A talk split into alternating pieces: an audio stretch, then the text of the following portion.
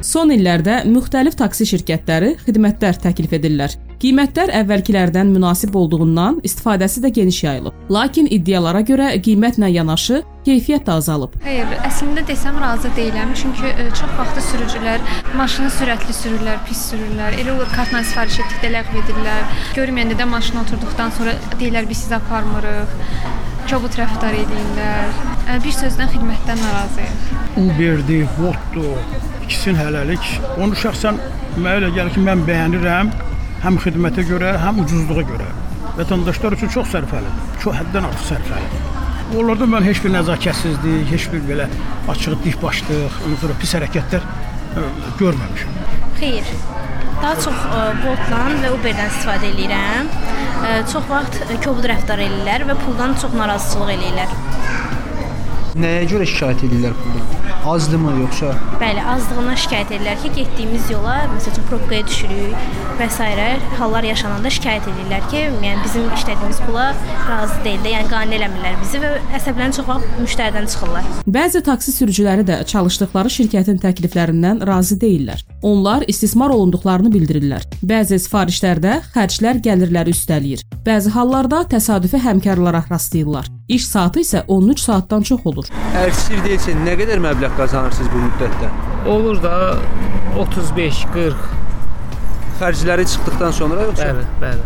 Hardasa 60-70 manat olur. Əmək müqaviləsi imzalanır. Xeyr, Vönünüz var. xeyr, yoxdur. Gəlirin neçə faizini şirkətə ödəyirsiniz? 12, 10, 10-12 faizi şirkətdən. Dediniz ki, yeni başlamısınız bu işə. Bundan əvvəl nə çalışırdınız əgər sir deyilsə? Hansı sahədə fəaliyyət göstərirdiniz bundan əvvəl? İşsiz idim. Yəni iş, işsiz idimdə 3 gündən bir, 4 gündən bir moykada işləyirdim belə. İşsiz sayılır. Sürücülük təcrübəniz var idi. Daha əvvəl çalışmısınız bu sahədə? Yəni taksidə yox, yəni özüm maşınım olub da. Qardaş, vallahi düzün desəm 60 qəpiyə maşın sürürük, heç manat da eləmir. O qədər yol gedirik, bir də görsən 80 qəpik pul yazıb. Manat vermir, elə qəpik verir. Heç benzin pulumuz eləmir. Bütün gün yollardayıq. Gündə 13-14 saat işləyirik. Gecəmiz yox, gündüzümüz yox, şəxsi həyatımız qalmayıb. İstirahət günümüz yox, qəpik quruşa maşın sürürük. Hələ pulumuz da vaxtı-vaxtında ala bilmirik. Bir də görürsən su almağa cibdə pul yoxdur, amma kartda 30-40 manat yığılıb. Nə bilmək qardaş, çox problemlər var. Bir sözlə, keyfiyyət ucuz qiymətin qurbanına çevrilib. Eyni zamanda qeyd etmək lazımdır ki, sözü gedən şirkətlər yerli sahibkarlıq subyektləri deyil. Bu da onu deməyə əsas verir ki, vəsaitlər xaricə axır. İqtisadçı Eyyub Kərimli Həmin şirkətlər ölkəmizdə fəaliyyət göstərdiyindən və öz gəlirlərindən ƏDV və digər vergi ödəyişlər, ödənişlərini həyata keçirdirlər. Lakin onların ödədiyi vergi haqqında məlumat yoxdur. Təəssüf ki, bizim ölkədə bu məlumatlar açıq ə, informasiya mənbəyində yoxdur. Belə ki, bu kommersiya sirri sayılır. Lakin indiyə qədər müşahidə olunan problemlərdən biri o idi ki, onlar ə, əməkdaşlığa cəlb elədiyi taksi sürücülərindən vöyn tələb etmirdilər və həmin taksi sürücüləri dövlətə öz gəlirlərindən vergi ödəmirdilər və bu da sözsüz ki, vergidən yayınma yaradır. Ümumiyyətlə düşünürəm ki, həmin şirkətlərin çox böyük e, dövriyyəsi var və onların əlbəttə ki, dövlət büdcəsinə vergi ödəmələri labüddür və bu qanunvericiliklə e, tənzimlənir.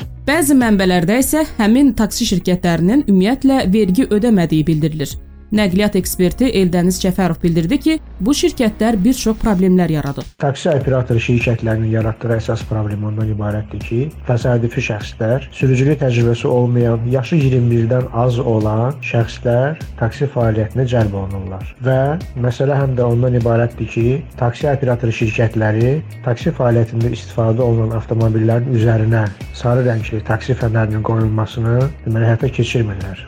Bunu bir sürü sürücüdən tələb etmirlər. Şirkətlərin sürücüləri istismar etməsi ondan ibarətdir ki, Azərbaycanın əmək məcəlləsinə zidd olaraq vətəndaşlar gün ərzində, sutka ərzində 15-16 saat işlədilir. Problem burdadır, buradan yaranır. Daha sonra onların sürücülərin e, qeyri-nağd ödənişlərini vaxtı-vaxtında sürücülərə qaytarmır. Bəs problemi necə həll etmək olar? Problemin qarşısını almaq üçün AYNA və Bakı Nəqliyyat Agentliyi e, deməli sürücülərə fərqlənmə nişanının verilməsində daha kəskin mövqe mövqe tutmalıdır. Nazirlər Kabinetinin reqlamentinə uyğun davranmalıdır. Yaşı 21-dən az olan və sürücülük təcrübəsi 2 ildən az olan insanlara fərqlənmə nişanı verməməlidir və tələb etməlidir ki, avtomobilin üzərində mütləq sarı rəngli taksi fənəri olsun. Hələlik bu 3 sadə şərtlərə əməl etməklə mümkündür. Bunları etmək. Qeyd edək ki, taksi fəaliyyəti ilə bağlı çox yaxın zamanda qanunvericilikdə müvafiq dəyişikliklərin edilməsi gözlənilir.